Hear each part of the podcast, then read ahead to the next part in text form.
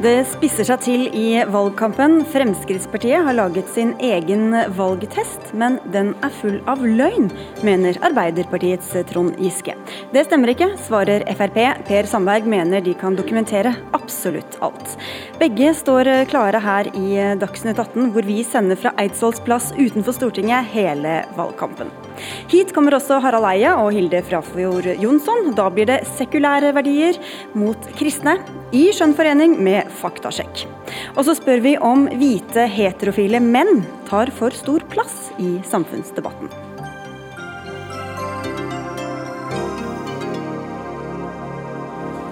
Opptil flere av dem kommer i hvert fall hit til eh, Dagsnytt 18 på NRK P2 og NRK2, hvor vi også spør om vi kan stole på våre egne minner. Jeg heter Sigrid Solund.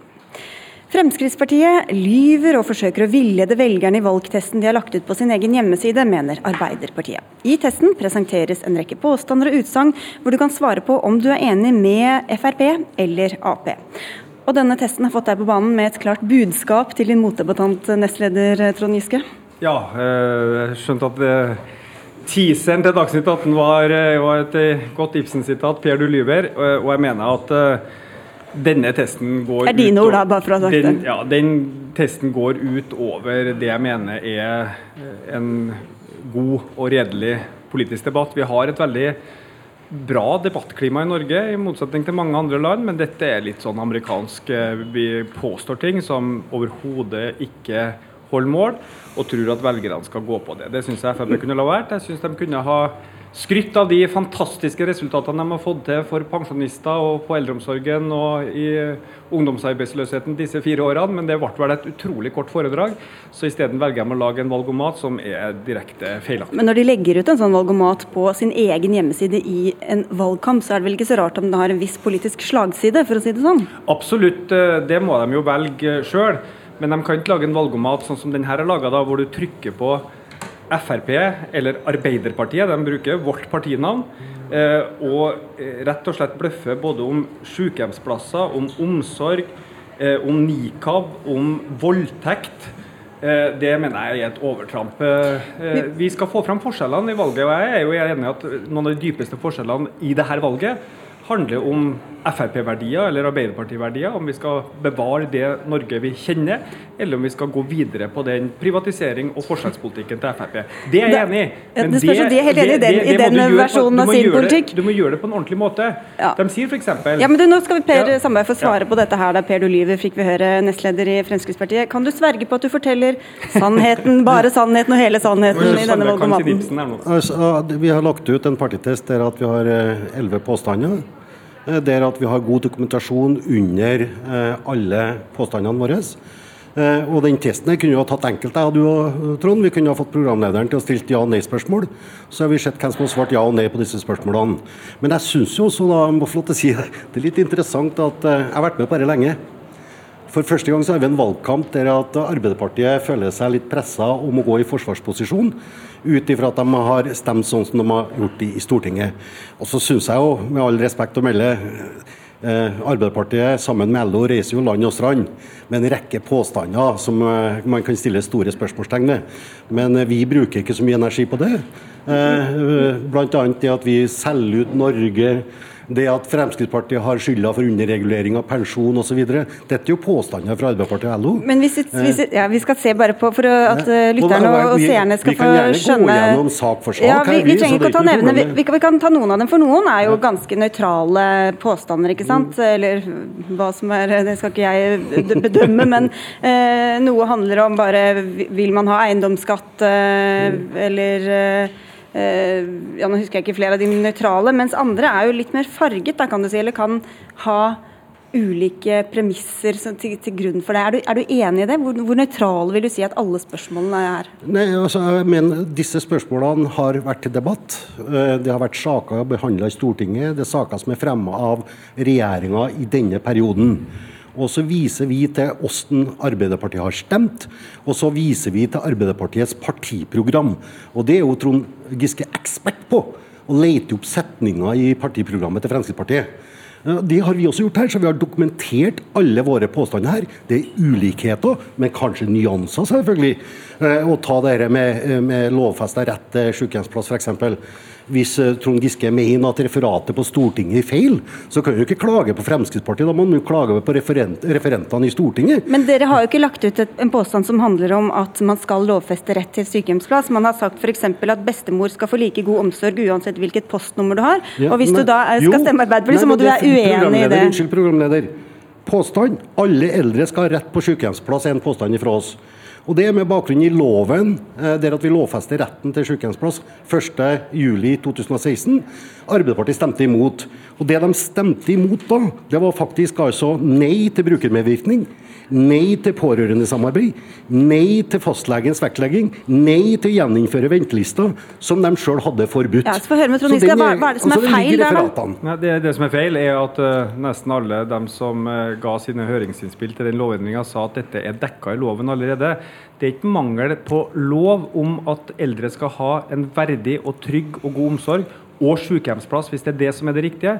Det som hele tida er mangelen i kommunene, er ressurser. Og antall ansatte, nyansatte i eldreomsorgen har altså gått ned med 40 men vi, går, vi kan ikke gå inn i alle, Nei, men, alle påstandene, men spørsmålet er, er det, altså, hva er galt med hvordan de stiller disse altså, fordi, er, Dere vil jo ikke ha lovfesting, det vil Frp. Sånn er det bare. Vi mener at alle eldre som har behov for det, skal ha rett på sykehjemsplass. Det er dekt i loven som den var, det er dekt i loven som den er.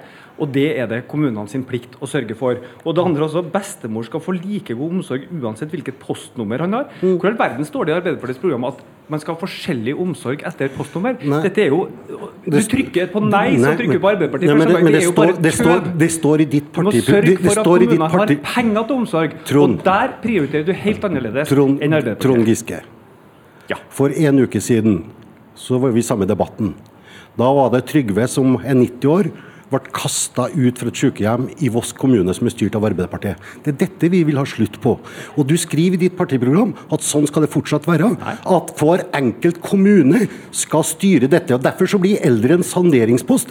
Mens vi ønsker at staten skal finansiere hver enkelt eldre, sånn at de er trygge på at de får de ressursene de trenger. Og Det er du sterk motstander av. Det står i ditt partiprogram. Per Sandberg, dere har foreslått at kommunene ikke lenger skal få støtte til rehabilitering av sykehjemsplasser. Det men la oss holde oss til denne testen. Jeg må besvare. Ja, nå, nå, det kan koste denne kommunen vi står i Oslo, 3 milliarder kroner. Det er et ran fra eldreomsorgen i Oslo. Tror du du kommer nærmere rett til sykehjemsplass av det, eller tror du du kommer lenger ifra? Nærmere, Loven sier, ja. Loven sier at alle skal få den relevante, gode omsorgen inkludert sykehjemsplass, hvis det er det riktige. Så er det din og min oppgave å sørge for at kommunene kan gjennomføre det. Og ett punkt har du helt rett i. Punkt nummer to. Skatter og avgifter må reduseres. Der er det forskjell på oss. Du glemmer å tilføye at de rikeste skal få 160 ganger så mye som vanlige folk. Ja, men da er vi men. Det der men, men, nøkkelen er at du må velge eldreomsorg ja. foran skattekutt hvis du skal lykkes. Altså, du mener at de framstiller Arbeiderpartiets politikk på en uredelig måte? Ja, ja, absolutt. Men hvor redelig er du når du refererer til Fremskrittspartiets politikk, da? Nei, Jeg sier jo ikke i hvert fall at de er mot at folk skal få sykehjemsplass. Jeg sier at de ikke bevilger penger nok til sykehjemsplass. At de velger eh, skattekutt foran eldreomsorg. Men tror du han kjenner seg mer igjen i, din, i dine referater enn motsatt? Ja, men, men, men, hør, hør, nå hva jeg sier. Hør nå hva jeg sier. Frp velger store skattekutt. De foreslår at eiendomsskatten skal bort, de foreslår at formuesskatten skal bort. De foreslår i programmet sitt ifølge Aftenposten 65 milliarder kroner i skattekutt. Nå må vi fullføre resonnementet. Det tilsvarer 100 000 ansatte i offentlig sektor som må kuttes hvis du skal dekke de 65 milliardene. I eldreomsorg, i barnehager, i skoler. Og det er da jeg sier at da blir det ganske hult å si at dere garanterer sykehjemsplass, mens vi ikke gjør det. Det, det blir direkte feil. Det, det er én ting Trond Giske aldri skjønner. Var det feil med det jeg sa? Nei, for, jo, det, men du mangler en ting. Men det er jo det han føler at mangler litt i deres test òg, da. Det er det at vi innfører en statlig finansiering det er at pengene skal følge fra staten. og Derfor så blir dette finansiert på en annen måte. Vi putter det ikke inn i kommuneramma for at de eldre skal bli en salderingspost. Og så synes jeg det er veldig Hvor langt har du kommet med det på de fire årene du har sittet i regjering? Per Sandberg? Vent litt nå, vi snakker, Nei, du har sittet i regjeringen i fire år. Ja, vi snakker om Fremskrittspartiet og Arbeiderpartiet ikke sant? Ja, og til testen, det er det jeg prøver å snakke om. Så syns jeg det er veldig interessant at du kritiserer skattelettelser, som ønsker da en skatteøkning på 15 milliarder, der at over 200 000 pensjonister får en skatteøkning. Men kan vi holde oss til den testen? Er jeg den eneste som ønsker å snakke om den? Ja. Skal vi gå gjennom hele lista, kanskje? Ja, men jeg tenker liksom, hvor, hvor, mange, hvor, mange, tror det blir sittende igjen som Arbeiderparti-velgere med de spørsmålene og utsagnene dere har valgt ut, du, eh, og de alternativene der? Du, hvis, hvis, det, hvis det de aller fleste som vurderer å stemme i Arbeiderpartiet nå, går på denne testen og er ærlig med seg sjøl, så vil mange Arbeiderparti-sympatisører oppdage at de har stemt på feil parti i mange mange, mange år. For dette, dette er løsninger på store utfordringer, både innenfor eldreomsorgen, men også innenfor skatte- og avgiftspolitikken. Og Der er vi uenige, Trond. Helt greit, det. Men, men bedre... hva med de andre påstandene? Har du noen andre av disse påstandene fra oss som du er kritisk til? Ja, men Hadde ikke vært mye bedre Per Sandberg, at du bare fortalte dette har Frp gjort i fire år i regjering? Dette vil vi gjøre de neste fire årene. Ja, og så kan du godt si hva vi vil gjøre, 15 milliarder i skatteøkning og ta igjen det som dere har gitt i skattekutt til de rikeste. Helt riktig. Vi skal bruke det på eldreomsorg og på skole og på helse. Nei, det, har... det, er en fair debatt. Nei, de fem milliardene har du brukt fire-fem ganger allerede, Trond. Du, kan ikke, du har brukt opp dem. Kan, kan ikke dere lage, dere kan lage en egen test, da, Trond Giske? Du kan ikke lage en test hvor du lyver om andre partier. Nei, du må snakke sant, men helst snakke om din egen politikk. Men det skrytelista di er så kort men, at du må lage for, for, for, for, å gjøre dette enkelt, da. Jeg anbefaler jo folk jeg, da, jeg tror, jeg tror velgerne får politikerforakt av den type argumentasjon som dere gir på nettsidene deres. En gang nå nærmer vi oss slutten her. Jeg velgerne skal få lov til å gå inn på frp.no, så ser de denne testen. For du greier ikke å forsvare noen ting av dette som går, som går, i retning av Arbeiderpartiet. For dette er fakta. Jeg tror at vi må slutte her. Dere får lage deres egen test, Trond Giske. Amerikansk måte å debattere på som jeg håper vi slipper i norsk politikk. For det ødelegger det debattklimaet vi har, og det ødelegger informasjonen. Partitester er det nok av. Takk skal dere ha begge to, Trond Giske og Per Sandberg. Dagsnytt 18 alle hverdager kl 18.00 på NRK P2 og NRK2. Da Fremskrittspartiet tok over styringa av norsk landbruk i 2013, florerte dommedagsprofetiene. Bøndene snakket om en rasering av landbruket, og Senterpartiet sa at Frp ville ødelegge norsk matproduksjon. Nå viser det seg at det er blitt flere heltidsbønder under dagens regjering, en yrkesgruppe som ble nesten halvert under de rød-grønne. Med heltidsbønder menes gårdbrukere hvor minst 90 av inntekten deres kommer fra jordbruket. Leder i næringskomiteen for Senterpartiet, Geir Pollestad. Tok dere feil for fire år siden? Nei, det gjorde vi overhodet ikke. Eh, og vi har jo sett eh, at det har blitt en liberalisering og en sentralisering av eh, landbruket med Frp i regjering. Og så er jeg veldig glad for at de mest ytterliggående forslagene fra regjeringen og Frp, som f.eks. å slippe opp tollvernet, som å fjerne avløserordning, og eh, vi har òg bedra mange eh, jordbruksoppgjør i Stortinget. Så Stortinget har til en viss grad tatt ansvar i denne perioden. Men eh, det er helt rett det som vi sa før valget. Eh, og Derfor er det viktig at vi stopper den sentraliseringen og liberaliseringen av landbruket som Fremskrittspartiet står for. Landbruks- og matminister Jon Georg Dale fra Fremskrittspartiet. Hva sier disse tallene deg, da? Den sier at det fungerer å tenke nytt i norsk jordbruk. Det er ikke bare Frp som har gjort det. Det er ikke bare regjeringen som har gjort det. Også norske bønder har gjort det. De har sett at vi har gitt dem utviklingsmuligheter. Vi har sett at de har gitt dem mulighet til å investere, utvikle produksjonen sin. og Det gjør at det er jo ikke bare flere heltidsbønder vi har, det er færre som slutter når de styrer landbrukspolitikken enn når Senterpartiet styrer den. Og det, og, det, er flere som investerer mer enn tidligere. og Det viser jo at skremselspropagandaen var feil. Og det som er synd, er jo for så vidt Jeg tåler jo godt å få den kritikken fra Senterpartiet, det har vi gjort i fire år. Men det som er synd, er at den faktisk sprer pessimisme i norsk jordbruk nå når det endelig investeres som aldri før. Og det burde Senterpartiet slutte med. Vi skal komme tilbake til, eh, til det du var inne på, Pålstad. Men for å se litt bakover, da. Det liker vi jo litt dårlig å gjøre her, men gjør det likevel. Da dere tiltrådte i 2005, fantes det rundt 8800 heltidsbønder. Og da dere gikk av, var andelen redusert til rundt 4600, ifølge tall fra SSB. Hvordan forklarer du denne nedgangen? Disse tallene er helt fullstendig meningsløse å bruke for å eh, beskrive utviklingen. Eh, la meg ta et eksempel. Om en bonde som har 50 000 kroner i inntekt fra snømåking, altså forbi landbruket, kjøper seg en større traktor og dermed får kanskje 100 000 i inntekt fra snømåking, gårdsdrifta er den samme, da kan den bonden risikere å gå ifra å være heltidsbonde etter Dales definisjon til å bli deltidsbonde. Men forklarer det, det altså, liksom halvparten ble, ble borte nei, under de åtte årene? Jo, men å snakke om at det er 4000 heltidsbønder i Norge Det er nærmere 19 000 bruk som har over ett årsverk. Og ifølge Dalesen forgjenger, så er det som er definisjonen på eh, hva et, et heltidsbonde er. Det er nemlig hvor mange årsverk du har. Og det er poenget. At Dale han er opptatt av 4000 bønder av 40 000. Jeg mener vi må ha en landbrukspolitikk der vi tar hensyn til alle bøndene i Norge. Noen er heltidsbønder, noen er deltidsbønder. Det er meningsløst å drive dele opp og skille på den måten som Dale her gjør, og som han og bare ta hensyn til de store brukene og de som er heltids. De trenger ikke være store engang. Det er bare nok å ha Men Geir, Geir Pollestad, eh, du vet jo bedre enn dette. Dette er jo ikke mine tall. Dette er SSB sine tall. Men spørsmålet er om definisjonen viser noe særlig av virkeligheten der ute? Objektive tall. Ja, det vi ser jo, men det, det, vi bør ikke måle dette som det eneste parameteret. Det er jeg ærlig på. Det er helt rett at det er mange, er, mange flere enn dette som har mer enn ett årsverk i jordbruk, og det er bra. Men det er jo ikke bare dette som går godt. Vi produserer mer mat enn noen gang. Investeringene går opp. Færre bønder slutter når Senterpartiet styrte. Mindre areal, mindre jord går ut av drift enn når Senterpartiet styrte. Så dette viser jo først og fremst to ting. Norske bønder har tru på framtida. De investerer, og de vil satse, de vil øke matproduksjonen. Og punkt to, landbrukspolitikken er lagt til rette for at den skal gjøre det.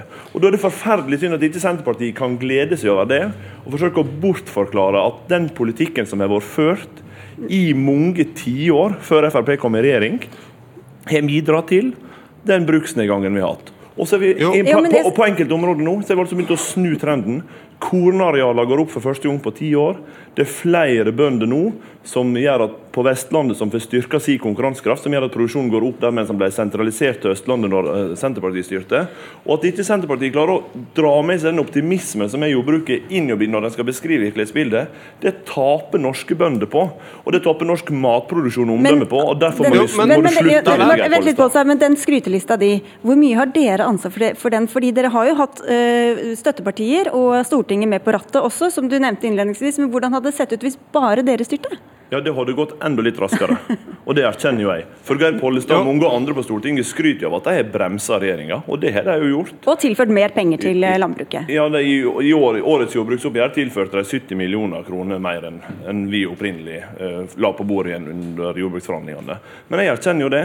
Men det er jo det som har blitt det fantastiske i norsk jordbrukspolitikk. For der en tidligere snakka om at det eneste som ville skje når, når eh, Frp fikk styring, var at alt ville gå over ende. Så nå eh, opposisjonens jordbrukspolitikk handler om i hvilken grad klarer de å bremse den utviklinga som Frp har fått til. Og det Men- morsomme nå Det det at. Senterpartiet går til, altså nå til valg og sier de strukturgrepene vi har gjennomført, de kan vi ikke endre. Og det viser jo at vi hadde rett. Ok, Pollestad. Ja, Nå vet ikke jeg om Dale sitter i studio med findressen eller fjøsdressen på. Men Han har findressen på, uten uten Når vi, snakker, når vi snakker med de som har fjøsdressen på, så er det mange av de som er urolige, og som har opplevd en inntektsnedgang under denne regjeringen. Det som er viktig for eh, Senterpartiet, det er at vi greier å løfte alle bøndene i Norge, samme hvor i landet og samme hvor store de er. Så er det viktig å ha med seg at denne våren så behandler Stortinget ei jordbruksmelding. Den samla summen av jordbrukspolitikken. Og det er sjelden noen statsråd har blitt så tydelig overkjørt som det Frp og Jon Georg Dale ble i den eh, saken. Så det du sier, at han kan, ikke, han kan ikke skryte av den lista, for det er ikke han som har gjort at pilene pilen peker de veien han eh, Nei, altså no, Noen av tingene på skrytelista kan verken Dale, opposisjonen eller Stortinget ta æren for. At det går godt Men virkelighetsbeskrivelsen, er du enig i, eller? Jo, jeg gleder meg jo alt som går dårlig i eh, landbruket. Men så Nei, er det det, viktig- Ja, ja, det var enten en Freudian slip, eller Ja, det, det, det er nok det du gjør, Geir. Det er jo det som er problemet her. Men, Jo, nei, men nå sa jeg nok feil. Men du, Stakkars, stakkars, var- han må få lov å Nå må jeg få retta den. Jeg gleder meg over alt som går bra Ja. i landbruket. Og eh, jeg mener at vi skal likevel ta de, eh, de trekkene som går i feil retning, og rette på de. Og Derfor så sa Stortinget at vi skulle ha en klarere satsing på små og mellomstore bruk. Vi skulle gi investeringsvirkemidler til dem. Ja, og- og det du- er snakker mye om små, at eh, Du mener at de små eh, eh, ikke får så mye som de skulle, men eh, her snakket vi om overføringer og om strukturer.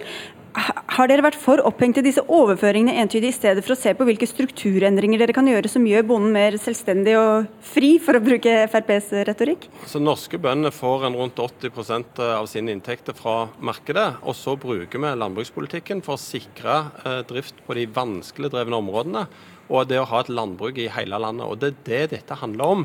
Eh, og Det er det som er så viktig i landbrukspolitikken. Og det er der Dale eh, bommer. For han har gjort en omprioritering fra de eh, små brukene og flytta pengene til de store. Vi mener vi må lufte alle i okay. landbruket. Og det, når jeg sier at vi ikke skal reversere det som han har gjort, så handler det om at vi skal fortsette å løfte de små og mellomstore, men vi skal ikke straffe de store. Okay. For forutsigbarhet da er enormt viktig i Landbruket. Helt på Ja. Men dette viser jo nok en gang at Senterpartiet klager for all verden, er med på ferda. Det er bra. Det er bra for norsk jordbruk. De reverserer ikke grepene som er gjort. Det, det er veldig lovende. De vil løfte de små i tillegg. Men, men det aller viktigste er jo at gjennomsnittsinntekten til bonden er høyere nå enn sist Senterpartiet styrte. Men, det er flere som investerer, det er flere som satser. Trenger ikke å dra hele skrytelista en gang til. Men, men, poenget her er jo at hvis Senterpartiet hadde fokusert litt på hva som virker på resultatet av landbrukspolitikken. Bare av en, I stedet for å fokusere bare på enkeltinnsatsfaktorer, så hadde norske bønder tjent på det, debatten har tjent på det, og norsk matproduksjon har gått opp. Hvis norske bønder hadde ment at Jon Georg Dale var så genial som han sjøl hevder, så hadde de stemt på ham. Det gjør de i liten grad. Du, de mener at det er behov for et skifte. De har et par uker på seg til å bestemme seg endelig. Takk skal dere ha begge to for at dere kom til Dagsnytt 18.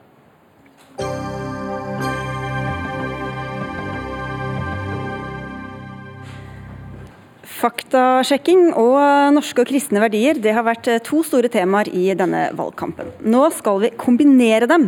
For har kristendommen æren for at Norge er et rikt, trygt og rettferdig land, eller skyldes det sekulære verdier fra opplysningstiden? Harald Eia argumenterte for det siste i NRK-programmet Din stemme sist uke. Og etter det har du kastet deg på i debatten på NRK Ytring med det du kaller en faktasjekk, som Eia altså ikke består, Hilde Frafjord Jonsson. Du er partisekretær i KrF, og får vi legge legge til sosialantropolog. Vi skal gjennom punktene dine. Vi begynner med det første, og det handler om at eh, du sier kultur er i konstant utvikling. Opplysningstiden, som altså Eia sikter til å heie på, oppsto ikke i et vakuum. Hvor tar han feil? Nei, i hvert fall sånn som man uttrykte seg på valgsending på fjernsyn, så fikk man inntrykk av at uh, alt som skjedde før opplysningstiden var irrelevant, og så kom opplysningstiden, og da ble alt fantastisk. Og alle verdiene som vi har i dag, som vi alle er veldig sammen om, er viktige de uh, kom derfra. Og det er historisk feil. Men nå ser jeg jo Eia har uh, moderert seg litt, og i hvert fall i det inntrykket man fikk, uh, har han da sagt er litt annerledes.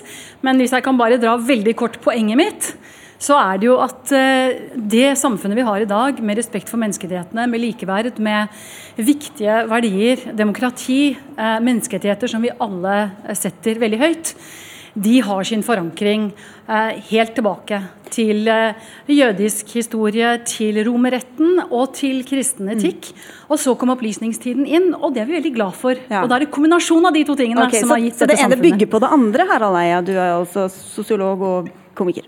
Ja, jeg er enig i det at det kunne nok neppe oppstått menneskerettigheter og sånn f.eks. i en buddhistisk kultur eller i en, kanskje heller ikke en islamsk kultur, for alt jeg vet. Men det er allikevel et mysterium her, mener jeg. For det skjer et stort skifte i verdier. Plutselig så forandres menneskene veldig. Jeg tok med noen, noen plansjer. Nye plansjer nå, eller? Se hvordan f.eks. plutselig masse land rundt 1775 begynner å forby slaveri. Før det, 1500-tallet, slaveri var ikke forbudt i noen land. Plutselig begynner alle å forby det. Hva med tortur som straff i fengsler? Altså drive og skjære av folk av bein og radbrekke dem og sånn. Eh, plutselig, rundt 1775, masse land som forbyr tortur. Og dette er et mønster som går igjen. Slutter å brenne hekser. Man begynner å, begynner å tenke på dyrenes ve og vel. Og, og det jeg syns er rart, er da hvorfor skjedde ikke dette før? Og jeg tror at hvis vi reiser tidsmaskin tilbake til, tilbake til 1800, da, reiser 220 år tilbake i tid, så ville de menneskene ha noenlunde samme verdier som oss. Hvis vi tok med de folka tidsmaskin 220 år tilbake til, tilbake til 1580, da er det en ko-ko verden som møter oss. For da er det så lite respekt for menneskeliv. Det er så mye dødsstraff, det er tortur. Det er en ganske bisarr og fæl verden. Så det er der jeg mener at Også, veldig mye kommer inn der. La oss ta Norge som et eksempel. da. Ja. Eh, først kan vi gå tilbake til romertiden. Eh, I år 100 så man, kjempet man for at barn ikke skulle bli satt ut. Det var når kristendommen kom til Romerriket. De sluttet med å drepe folk som gladiatorunderholdning. Eh, I Norge kom kristendommen inn i år, to, i år 1000. Og de kristne lovene sa nettopp at man ikke skulle gjøre det Harald Eia nå snakker om. Nemlig at man ikke skulle sette barn ut, og at man ikke skulle ha slaver. Eh, og helt Men de glemte alle de andre tingene som Harald Eia nevnte, da. Nei, så hvis, Harald Eia kan komme opp med, hvis han kan komme opp med plansjen sin om slaveri, Ja, så det er ja. veldig fint. fordi jeg har også en plansje, men det kommer jeg tilbake til. Ja. Eh, Antall I år land som forbyr- 1542, Ja. før din plansje begynner, Ja. så gikk dominikanermunken Bartolomeus de Casa Ja. Han fikk keiseren eh, Karl 5. med på å forby slaveri i, den, i de spanske koloniene. Det var før plansjen din, og det kom fra en dominikanermunk. Men det- men- Så her har vi veldig viktige kristne verdier som har påvirket utviklingen. Men han hadde ikke, har kanskje gjort så stort utslag på den plansjen? Det var jo de spanske koloniene, da. Får vi se om de telte med i plansjen til, Det til, fantes til jo Harald humanitær- husk på at vi er radio her også, Det fantes jo humanitære tenkere den gangen også. Verden ble ikke forandret ved et trylleslag. Men det, det skjer noe veldig radikalt her. Litt sånn på samme måten som folk sånn over 60 år har opplevd med holdninger til homofile. Hvor da, da de var unge, så var homofile ekkelt, og, og det var også forbudt. Og nå i dag så Hvorfor var vi så mot homofile, egentlig? Den samme endringen skjedde rundt da, men det var mange som var pro homofile for 100 år siden òg. Det bare ikke fikk ikke utslag før her. Jeg tror årsaksforhold der er litt mer blandet. Men, men Jonsson, Ja. du, du sier jo at det er mange eksempler på at kirkesamfunn og, religi og lærde religiøse har gått foran i kampen for likestilling og universelle rettigheter. Det er vel veldig mange eksempler på det motsatte òg? Altså, Du finner eksempler begge veier, men Martin Luthers revolusjonerende betydning for utdanning, den sier til og med Harald Eia er helt enig i. Ja eh, og der var det jenter og utdanning for jenter som også var kjempeviktig. Folkeopplysningen i Norge kan vi takke han for. Og en som kom mye seinere, Hans Nilsen Hauge. Nå er det også veldig eh, viktig å poengtere et annet faktum, og det er at kristne organisasjoner kom først når det gjaldt stemmerett for kvinner i Norge. Nei. Eh, jo, i 1886 eh, gjorde de det. Og det som det er viktig, er, er på en måte ikke konkurransen om årstall, men det er å si at her har to Men nå er vi ikke faktasjekking her, da. Har Ja. du en Ja, annen jeg, jeg har sjekka, jeg har faktasjekka. Fordi det du kaller faktasjekken? Det Hilde kaller faktasjekking, det er å si at en filosof, tysk filosof Jørgen Habermas er uenig med meg. Det er ikke faktasjekking, Hilde. Det er å henvise til autoriteter, sånn som jeg gjorde i middelalderen. Men hvis du ser på Men, Du har helt rett i at da kan vi ta John Locke, som du viser til. Ja. Og John Locke har faktisk sin forankring i den kristne eh, kulturarven. Han sier det presist i sitt. Og da var han en kjempeviktig Hør, opplysningsfilosof. Men kan ikke jeg bare ta det med stemmerett her nå? Jo. Fordi Du helt, sier helt riktig at Norsk Søndagsskoleforbund 1889. innførte stemmerett for kvinner mye før kvinner fikk allmenn stemmerett. Ja, det var masse sekulære organisasjoner som også hadde stemmerett for kvinner også før det. Det Norske Totalavholdsselskap 1887. Skolestyre og tilsynsutvalg hadde samtidig med Norsk Søndagsskoleforbund. så kom alle de kristne organisasjonene rett etterpå Norsk Søndagsskoleforbund. Ja, det er riktig, og men grunnen til at dette skjer- kvotering i 1905! Det var med Norges KFUM, KFUK. Men det, det- helt men det- fantastisk. fullføre Ja, det som er så interessant er at I 1869 da kommer John Stuart Mill med boken 'Kvinnenes underkuelse'. Får enorm innflytelse. Så dette er en samfunnsendring som skjer nettopp på det denne tiden bra. her. Men hvordan det som er for meg problemet mm, med kristne organisasjoner, er at ja, det er riktig at kvinner blir valgt inn, men de er fortsatt forbud mot å tale for menigheten. Der kvitter man seg ikke med det Paulus sier, der kvitter man ikke med det Luther sier. Man Det er én beholder organisasjon. And og kvinner som prester har jo vært en Ja. veldig veldig kontroversiell ting. du- så Derfor så må man fornye moralen, diskutere, ikke tviholde på gamle tekster, er mitt poeng. da. Jeg skjønner, du- du har dine egne plansjer fra før. Jonsson. Ja, altså, plansjer, det, er, det, det er rett og slett litt hvordan man bruker data. fordi F.eks. det siste poenget i eh, diskusjonen mellom Harald Eia og meg er jo eh, om det at man eh, er sekulær, er synonymt med at man er lykkelig. Nei, det har jeg aldri sagt. Eh, nei, men, eh, Og det har du korrigert. Nei, jeg men, sa det veldig tydelig på første sending også.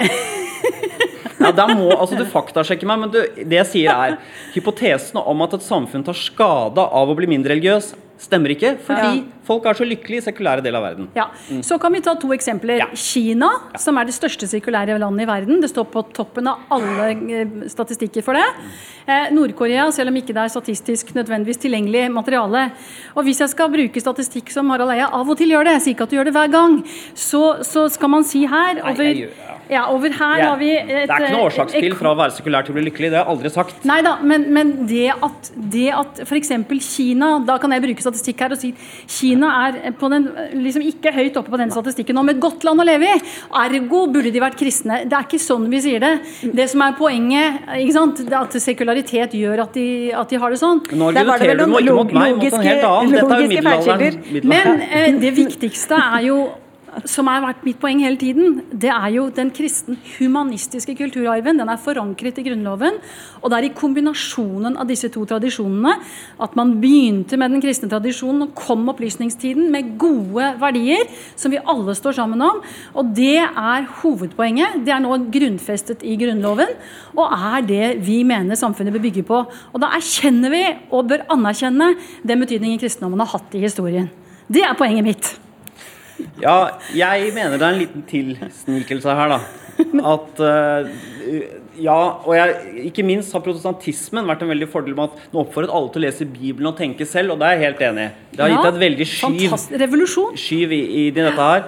Men jeg allikevel, jeg mener jeg er en detektiv. Jeg føler du er advokat for kristendommen. Jeg er en detektiv. helt og jeg, jeg mener at det, morderen her er ikke kristendommen. Morderen Jeg tror ikke det er det hun sier heller. Nei da. Men årsaken til at vi har det så bra i dag Ja, men, men er det så enkle ø, årsakssammenhenger som det, som det dere begge to trekker fram? Da? Altså, det er 1000 millioner variabler i alle det er- disse det er veldig komplisert. Det er veldig komplisert. Og En av de mest interessante teoriene som har kommet nå, som er veldig sånn empirisk fundert, er at det er det kalde, rennende vannet i Nordvest-Europa har, hvor det er lite smitte, hvor alle har tilgang til vann, som har gjort oss så frie og uavhengige at det kommer før protestantismen igjen. Dette, dette er veldig Dette spennende. Men du, Hilde. eh, i sin siste innspill til meg Så sa Harald på, Eia på sin artikkel at eh, jeg måtte komme med fakta og Ja. ikke med sitater fra filosofer. Nei, to, i tillegg, bare- ja, ja, to undersøkelser nå. Eh, innbyggerundersøkelsen av 217 2017, som er statistisk innbyggerundersøkelse for folk i hele Norge. Og så er det en amerikansk forskningsrapport som er veldig anerkjent, og som nå blir etterprøvd på norsk side. Og begge sier det er en korrelasjon mellom religiøsitet og det å ha Eh, å ha det bra. Eh, sånn at det er statistisk grunnlag også for Så de religiøse er lykkeligere enn, eh, Nei, ikke lykkeligere. Nei, men de, de har har, det bedre. livs, det er livsstil, det er De vet jo at det er et liv etter døden, det kan jo henge sammen. Ja, det er- med det. Er USA, ikke sant? Det er korrelasjon mellom I- i helse og Kun i eh, USA har man funnet det, tror jeg, så vidt jeg vet, Innbyggerundersøkelsen i Norge av 2017 viser at det er en sammenheng. at de kristne er mer lykkelige Nei, enn de at det er en sammenheng mellom engasjement, religiøst engasjement og eh, og eh, Og hva- Her, her lukter det oppfølger. Ja, ja, Så det ja, vi må fortsette, vi må ta en kaffe etterpå. Jeg tror vi må bare klikke oss inn på NRK Ytring eh, stadig vekk og se Ja. hva som dukker opp der. Her er det mye å ta. Altså, takk skal dere ha begge to, Harald Eia og Hilde Frafjord Jonsson.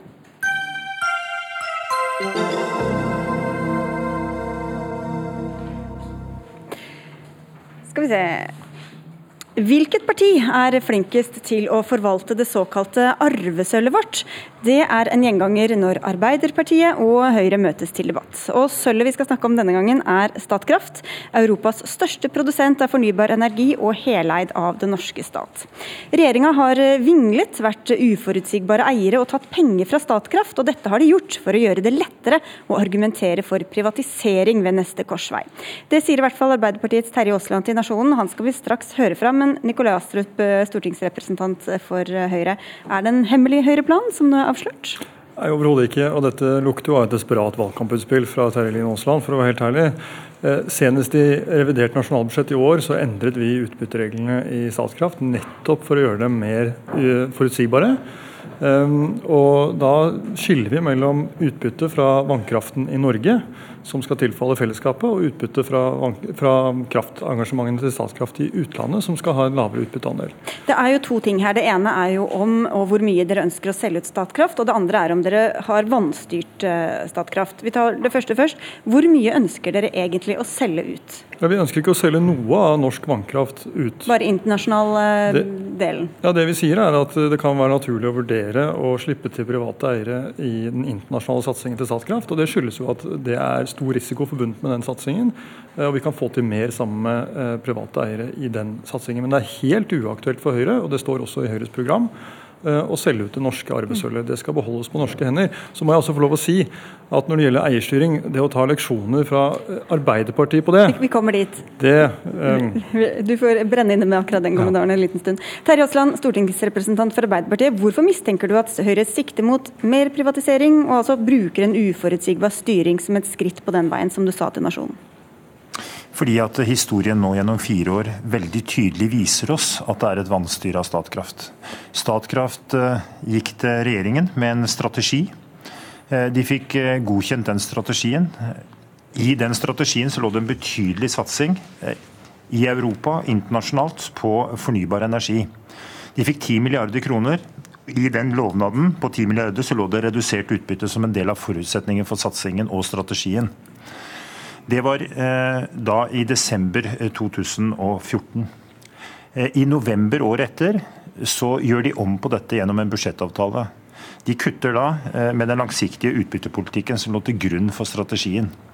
Det betydde at Statkraft allerede i desember 2015 måtte avlyse strategien sin. De måtte avlyse en betydelig internasjonal satsing på havvind. Det er åpenbart et vanstyre av et av de viktigste selskapene vi har eh, eierskap og kontroll med fra statens hånd. Men så stopper du ikke der. Ja, du, det, ja, fortsett. Jeg, hvis jeg bare får lov til å fortsette mm. litt.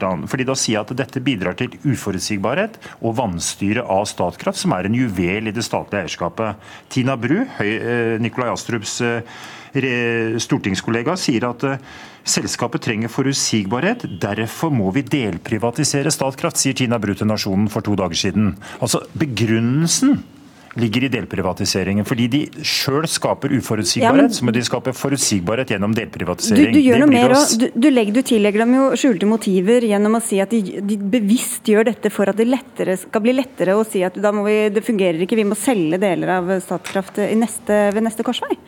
Ja, hva, byg, hva, bygger du det på? Du mener dette er en bevisst strategi fra Høyres side? Ja, Det er opplagt at det, det er jo Høyres eget vanstyre av Statkraft som er årsaken til at de argumenterer med, også begrunner det med at de må delprivatisere fordi selskapet trenger mer forutsigbarhet. Det selskapet hadde trengt, det var en, en ja. regjering som styrte selskapet forutsigbart trygt, og som sto ved den strategien som var inngått, som var riktig for, for selskapet, og hadde underbygd norske verdier og økning i norske verdier. For det var dere selv som eh, undergravde den forutsigbarheten da, Nikolai Astrup? Dette er jo en ren konspirasjonsteori fra Terje Lien Aasland, og jeg syns det er litt uheldig at han kom med den type utspill, fordi vi har mer enn nok å være uenige om, om vi ikke skal begynne å finne på ting, slik Aasland her gjør. Det er helt riktig at eh, vi skulle tilføre Statkraft 5 milliarder kroner ekstra eh, og holde igjen 5 milliarder i utbytte. Vi gjorde det siste, men i budsjettforhandlingene så ble det, det, det ja, første gjort. Så de måtte skrinlegge prosjekter men, de hadde planlagt med? Ja, vel, det var vel ikke veldig vel, forutsigbart? Altså, alle selskaper er helt nødt til å foreta avveininger av hva de skal ha investert i og ikke. Og den vurderingen overlater vi til Statkraft. Ja, Men de sa jo selv ikke... at de måtte, måtte ned Nei, de sa selv at de ønsket å prioritere å bygge på Fosen. og det er et prosjekt de, sa, de, har, de, de skrev, som jeg Statkraft har tilpasset investeringsplanen til de nye finansielle rammene i 2015. Ja, ja, Den største endringen er at Statkraft ikke kommer til å investere i nye prosjekter innen havbasert vindkraft og så andre mhm. prosjekter. Mm. Og de må jo selvfølgelig da basere nettopp, de må ta utgangspunkt i den økonomiske situasjonen de har. Men de hadde jo trodd at det skulle komme penger men, som ikke kom. Men å si at dette er Er du enig i at det var uforutsigbart for Statkraft? Ja, jeg er enig i at det var uforutsigbart for Statkraft. Men å si at dette var en bevisst strategi å skape uforutsigbarhet for deretter å kunne argumentere med delprivatisering, er rett og slett bare tull. Ja, At sånne ting kan skje i budsjettforhandlinger også, er vel ikke helt fremmed for dere heller, at plutselig må man hente penger et sted? Men det er veldig dumt at det ødelegger forutsigbarheten for et av de viktigste selskapene inn i en av de viktigste markedene for vekst og det er mulig, som faktisk kan, skjer i Europa nå. Hvordan kan du vite det at dette er en bevisst strategi fra Høyres side for at de da i neste omgang skal planlegge med, med å vise til det for å kunne selge det ut? Det er helt opplagt at eh, Høyre, som påstår å være næringspartiet, forstår konsekvensen av sine egne handlinger. Altså når, når de kutter Men du at de ønsker, ønsker å vanstyre Statkraft? At det, at det er et bevisst ønske om at det skal gå dårlig for Statkraft, for at de da skal lettere kunne argumentere for å selge ut? Ja, Det er helt opplagt at eh, Høyre må ha vært veldig klar over konsekvensen av dette. Ja, talt, ikke minst i, ikke, ikke minst i og med at Statkraft allerede noen dager etterpå avlyser den, den, den, strategien som handler om å satse. Og Da er det absolutt grunn, når Høyre spiller så us, uforutsigbart inn mot et så viktig selskap, så er det grunn til å sette spørsmålstegn ved Høyres lojalitet knytta til eierskap i norsk vannkraft. Og Det er derfor vi frykter at Høyre har starta et løp hvor de ønsker faktisk å frigjøre mer av den offentlige eierskapet knytta til norsk vannkraft. Så da er, det, da er, det, absolutt grunn til å rope et varsko. Ja, det, vet du hva? Dette er bare tull, Terje Aasland. Eh, vi har ingen, ingen, planer om å selge, oss ut, av, uh, selge ut det norske arvesølvet, og det vet du utmerket godt. og Det står også i vårt program. Og så syns jeg, la meg få lov å legge til, for han får lov å si ganske mye som er ganske, uh, ganske drøyt, for å være helt ærlig. Eh, det, det, er ganske drøyt også at dette kommer fra Arbeiderpartiet. For La oss huske tilbake da Trond Giske var næringsminister i Norge. Da stormet det om det statlige eierskapet i en rekke selskaper. Og Statkrafts styreleder Arvid Grundekjønn gikk så langt og så uortodoks uh, som det var, å gå til for åpen mikrofon og kritisere statens manglende forutsigbarhet som eier. Det samme skjedde i Telenor. Eh, hvor det jo var en rekke ting som skjedde for øvrig, ja, eh, men... under Trond Giskes ledelse. og det, var, det, blåste ganske friskt også rundt utnevnelsen av konsernsjefen i Entra, rundt oppnevnelse av styremedlemmer i Kongsberg Gruppen osv. Så, videre. så når denne kritikken kommer fra Arbeiderpartiet, så faller den på sin egen urimelighet. Og vi har, ja, vi har jo også vedtatt nye utbytteregler som Terje Lien Aasland bør gi oss honnør for. fordi utbyttereglene gir jo nettopp den forutsigbarheten som Statkraft trenger. For, for at dere skal trenger. forhindre dere selv fra å gjøre det samme en gang til? Og for at vi skal forhindre at Arbeiderpartiet gjør dette hvis de skulle Men, få flertall. Et siste spørsmål til deg, Nikolai Astrup. fordi Du har jo som leder av Høyres uh, programkomité, var det det? Jeg var nestleder i Høyres programkomité. Ja, jeg mener, husker det var noe feil her. Ja. Eh, så har du selv foreslått å privatisere deler av den norske virksomheten også. Altså, dette ble nedstemt på, på, landsmøtet, så det er vel kanskje ikke Jaha. helt fjernt å tro at liksom det er krefter i Høyre som Nei. ønsker å, å, selge ut av dere blant deg? Vårt program er det som gjelder for perioden. Så har vi hatt en programdebatt, og det skal man ha hvor ulike ideer har vært luftet. Men det er helt, konklusjonen fra landsmøtet er krystallklar. Det er helt uaktuelt for Høyre å selge arvesølvet ut av landet. Det skal vi ta vare på. Nå har vi vedtatt utbytteregler som også sikrer at avkastningen fra arvesølvet tilfaller fellesskapet, og at eh, de ikke brukes til å spekulere i utlandet på risikable prosjekter. Åsland, Du har helt sikkert lyst til å kommentere hele en liste om Telenor og alt det der, men du kan Nei. heller få ti sekunder til å si om du er fornøyd med de nye utbyttereglene som er vedtatt. da. Ja, ja, Vi har slutta oss eh, til de. De er fornuftige. Men det som er Høyres programformulering nå, det er jo at de ønsker å delprivatisere Statkraft, og utenlands, med fokus på utenlandsbiten. Det gjør at det hele spørsmålet om Statkraft, norsk vannkraft, eierskap, igjen er satt på spill. og Derfor er det høyst betimelig å stille spørsmålet om Høyre faktisk står ved at den ikke skal selge ut arvesølvet. Ja, og det gjør vi, for det står også i programmet. Hvis du hadde lest hele setningen og ikke bare halve, så står det klart og tydelig. Da les hele setningen. Det er all grunn til å stille spørsmålstegn ved dette. Takk skal dere ha begge to, Nikolai Astrup fra Høyre og Terje Aasland fra Arbeiderpartiet. Hør Dagsnytt 18 når du vil. Radio NRK Radio.nrk.no. Kan vi stole på vår egen hukommelse? Spørsmålet har stått i sentrum i en av de mest omdiskuterte sakene denne sensommeren, nemlig den om romanene til Vigdis eh, og Helga Hjort, som altså er søstre.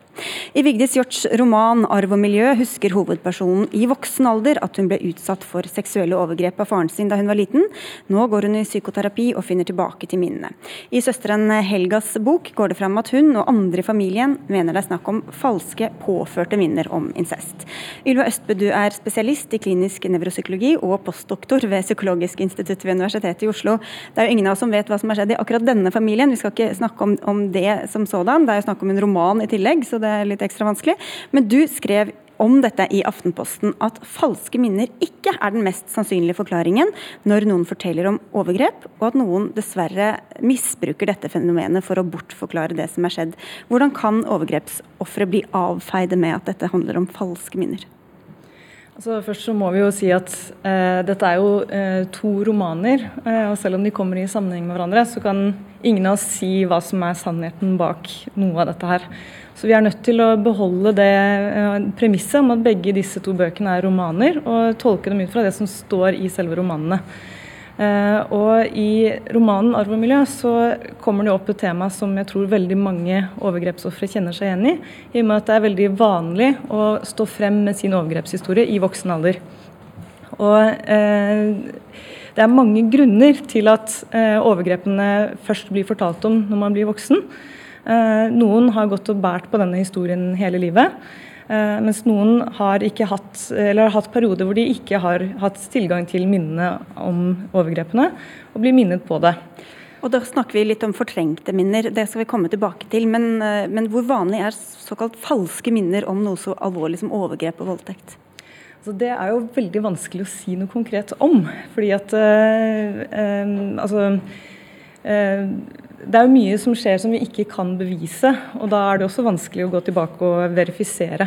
Så det er egentlig veldig lite forskning på akkurat dette med å verifisere eh, overgrepsfortellinger som kommer opp. Men vi har grunn til å tro at eh, det er mulig å verifisere historier av overgrep som blir på en måte gjenfunnet eller eh, omtolket i voksen alder. Vi skal holde litt fast ved disse falske minnene først. Ines Blix, du er forsker ved Nasjonalt kunnskapssenter om vold og traumatisk stress, seksjon for vold og traumer. Eh, alle husker feil og har falske minner, sier du. Hvordan klarer egentlig hjernen å skille mellom noe vi har opplevd og noe vi ikke har opplevd? Ja, Hjernen klarer jo ikke det. Eh, det er jo sånn at eh, falske minner og minner om ting som har skjedd, de oppleves på akkurat samme måte. Eh, de beskrives på samme måte, og til og med når vi ser på aktivitet i hjernen, når man tenker på ekte og falske minner, så er mønstrene helt like. Så vi kan ikke skille de fra hverandre, rett og slett. Så vi tror det like mye på de falske minnene som på de ekte? Ja, de, føles like virkelige for oss? De føles like virkelige ut. og vi, kan, vi har ingen måte å skille de fra hverandre på. Og det er jo som du sier, alle har falske minner. Og noen minner er delvis falske, og noen er eh, rett og slett ting som aldri har skjedd. Hvordan husker hjernen, hvordan husker vi traumatiske hendelser som kanskje har skjedd for lenge siden? Ja, Traumatiske hendelser eh, husker vi veldig godt. Det er sånn at Sterke emosjonelle hendelser både negative og positive, de er viktige for oss, og de prioriterer hjernen vår å ta vare på. Eh, så de eh, traumatiske hendelser eh, fremstår ofte som sterke sensoriske minner, hvor vi kan se for oss det som skjedde og høre det akkurat som at vi skulle være tilbake der. Samtidig så er det sånn at man husker gjerne det sentrale, det mest viktigste for å overleve i situasjonen, husker man veldig veldig godt. Og det som er omstendighetene rundt, det som liksom ligger litt i ytterkanten av, av, det som skjedde, det husker vi ikke så godt. Og da kan man jo også no, uh, komme med detaljerte ting som, om ting som ikke har skjedd, uh, faktisk. Vi husker jo veldig alvorlige tilfeller av manipulerte minner, som Thomas Quick-saken. Han tilsto jo og ble dømt også for å drept flere han ikke, altså drap han ikke hadde begått. Men hvor lett er det å plante sånne minner hos andre, da, bevisst eller ubevisst, når det er snakk om sånne alvorlige hendelser? Altså, det er jo for det første, som du sier, uh, ubevisst planting av minner. Uh, hvis man ser på f.eks. terapisituasjoner, uh, så var det jo en periode på 90-tallet mer populært da, å bevisst lete etter tegn på undertrykte minner av overgrep. Og, eh, og, det man da gjorde, var å eh, forsøke å eh, fremkalle disse minnene gjennom f.eks. hypnose eller regresjonsterapi, altså at man skal prøve å gå tilbake igjen til barndommen. Og at man brukte mye visualiseringsteknikker, og, altså med, kombinert med en veldig sterk tro på at det var veldig viktig for helbredelse å få tilgang til disse minnene igjen. Og over tid så eh, ser man da at det gir en veldig høy risiko for at overgrepsminnene som kommer fram, kan være falske. Mm. Og så for det man prøver å finne, er disse da fortrengte minnene, eller glemte minnene. Men hva legger vi egentlig i det ordet fortrengning? Er det det at vi prøver å dytte det bort bevisst, og at det er tilgjengelig der, eller at det rett og slett blir borte for oss? Ja, altså I forskningen så snakker vi ikke så mye om fortrengning, vi snakker mer om unngåelse. At man forsøker å unngå minner, eller at man forsøker å glemme ting med vilje. Eh, og Det er svært vanlig at eh, når vi har opplevd noe grusomt, at vi forsøker å la være å tenke på det som har skjedd, eller at vi forsøker å legge vekk minnene. Men det er sjeldent vellykket. Ofte så er det derimot sånn at jo mer vi forsøker å la være å tenke på noe, jo sterkere og med større intensitet kommer disse minnene tilbake. Så hvor vanlig er det da å ha sånne minner som dukker opp f.eks. om et overgrep 20 år senere? At minnet først kommer til syne mange år senere. Det er nok eh, veldig sjeldent. Det aller vanligste er at man husker disse overgrepene veldig godt. Eller iallfall at man husker eh, at det har skjedd, og eh, på hvilken måte osv. Men at man kanskje ikke har spesifikke minner fra alle hendelsene det skjedde. Men så sier du at det ikke er noe bevis mot f.eks. at et overgrep har skjedd, at man ikke har husket det heller? Ja, absolutt. Det er det jeg mener. At man kan ikke trekke slutningen fra at overgrepshistorien blir husket i voksen alder, til at det må være basert på falske minner. I hvert fall i fraværet av eh, eh indisier som eh, sterk eh, manipulerende psykoterapi, da, som jeg mener at mangler i arv og miljø. Men da er det jo også sånn at uh, hvis man opplever noe som femåring, så har man ikke det samme begrepsapparatet, man skjønner ikke konteksten. Sånn at eh, 20 år etterpå, kanskje først da, så skjønner man at det var snakk om et overgrep, selv om i minnet så har det ikke hatt eh, den formen. Mm. Ja, det er en uh, teori som uh, er hevdet uh, av andre forskere også. At, at, jeg er ikke forsker. Nei, men, men, det er forskere som er enig med deg, da. Ja, okay. om at om at eh, altså, et overgrep kan bety noe annet for et barn. Eh, og det er grader av overgrep som eh, gjør at det ikke har den samme skjellsettende effekten på offeret der og da, som man ser f.eks. under en voldtekt eller et terrorangrep i mm. voksen alder. Blix, hva gjør det med et minne om vi stadig henter det fram og bearbeider det, eller om vi bare lar det ligge og liksom ikke tenker på det? Ja, Det er et ganske vanskelig spørsmål. Men eh, det som er, er at når vi tenker på minnene, så setter vi minnene sammen igjen hver gang. Eh, å huske er en konstruerende prosess. Og eh, vi blander ny informasjon og kunnskap med det som vi husker og visste fra før. Sånn at når vi eh, holder minnene ved like, så vil de nok endre seg en del over tid når vi gjenhenter de. Samtidig så er det jo sånn at det å huske, det styrker minnesporene. Sånn at det holder minnene sterkere enn om vi lykkes i å prøve å legge de på hylla og holde de litt på avstand. Hva med de som har begått overgrep, da? De vil jo i hvert fall prøve å trykke det ned og ikke, ikke være det bevisst? Går det an å fortrenge noen sånne alvorlige ting som voldtekt eller drap, for den saks skyld? Det er i svært spesielle tilfeller hvor man enten har fått en hodeskade eller man har vært rusa, så kanskje man ikke husker det man har gjort. Men det er jo sånn at hukommelsen fungerer sånn at svært sterke hendelser, ting som er annerledes, sterkt emosjonelt, det husker vi godt. Og det gjelder også for gjerningsmenn. De vil eh, huske godt det de har gjort. Hva, eh, hvor pålitelige er sånne minner da, som dukker opp eh, etter mange år, eller først da i hvert fall blir bearbeida? Altså, Hvor pålitelige er noen av minnene våre, egentlig? Det er jo det store eksistensielle spørsmålet. Og det gjelder jo Altså, jeg tror nok eh, veldig mange som har vært gjennom dette her, eh, går og kjenner på den tvilen og usikkerheten også. Og kanskje har levd med en eh, overgriper som også har presset dem til å tvile på sin egen virkelighetsoppfattelse. Mm. Vi snakka på mandag eh, om eh, disse bøkene, og da konkluderte vi med at vi ikke hadde vært innom de viktige sakene. Nå har vi i hvert fall fått tatt en ordentlig runde her. Vi skal si tusen takk til dere begge to, Ines Blix og Ylva Østby, for at dere kom til Dagsnytt 18.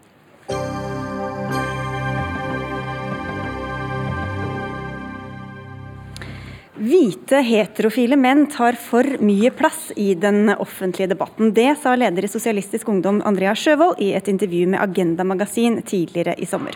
Videre sa hun at vi trenger flere talerør for kvinner, minoriteter og andre marginaliserte grupper. Og dette fyrte opp deg, sentralstyremedlem i FPU Fredrik Juel Hagen. I motsvaret skriver du at det er skammelig at dine meninger ikke skal vektlegges fordi du er en hvit, heterofil mann. Hva var det som provoserte deg?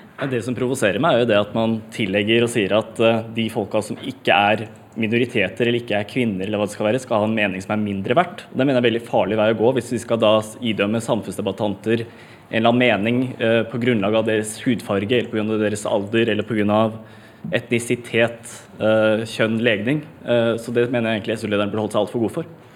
Ja, hva var det egentlig du prøvde å si, Andrea Sjøvold? Nei, da tror jeg kanskje at Fredrik har misforstått meg med vilje. Eh, fordi det her handler utelukkende om å gi flere, ikke færre, plass i, samfunnsdebatten. Og det jeg mener er jo at i dag finnes det eh, stor nok plass for hvite heterofile menn som nesten får ubegrensa plass i, i, offentligheten.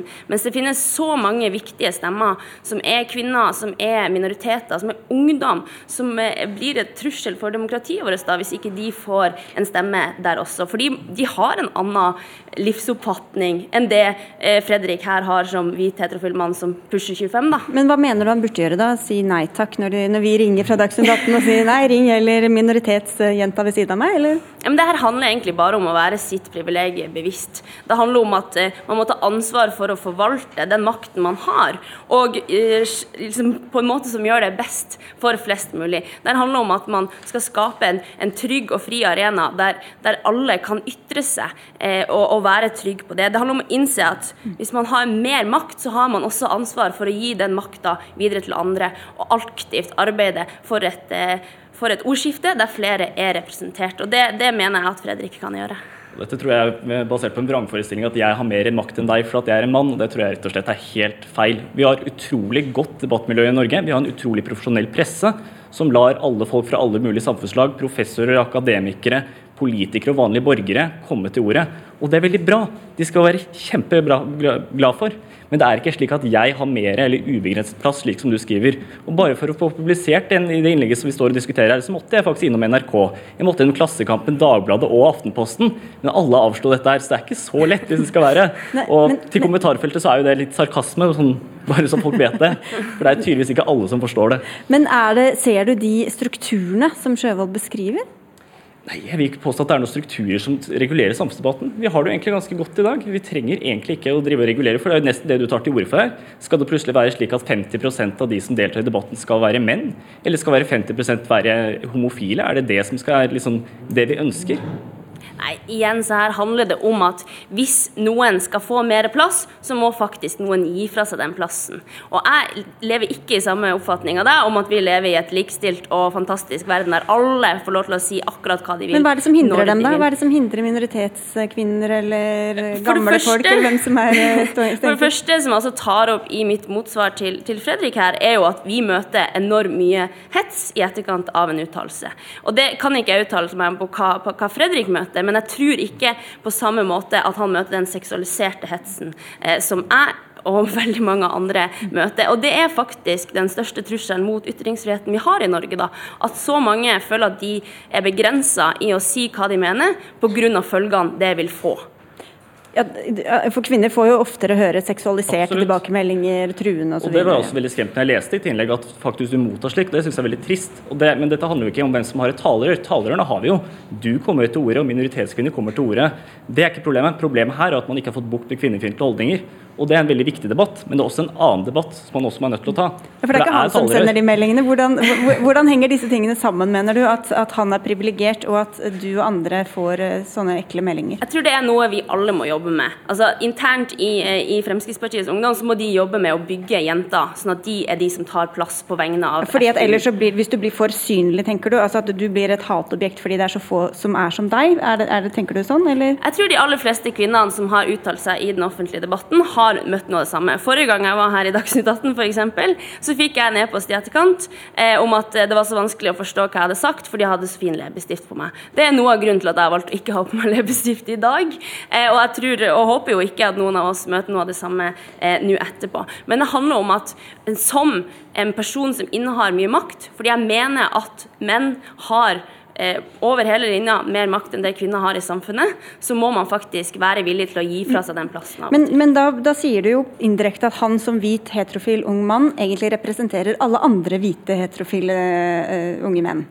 Eh, ja, Det mener jeg jo ikke. Jeg mener jo at Hvis jeg skal ha meninger ja, så hvorfor, det, hvorfor, skal han liksom representere denne gruppa på en måte altså, og si at vi må slippe til kvinner eller minoriteter? Er ikke alle mennesker bare forskjellige? Jo, det skulle man jo ønske, da. Eh, men det er jo ofte sånn alle andre eh, grupper i samfunnet opplever det. da. Du blir stempla som ungdom eller ung kvinne eller minoritetskvinne.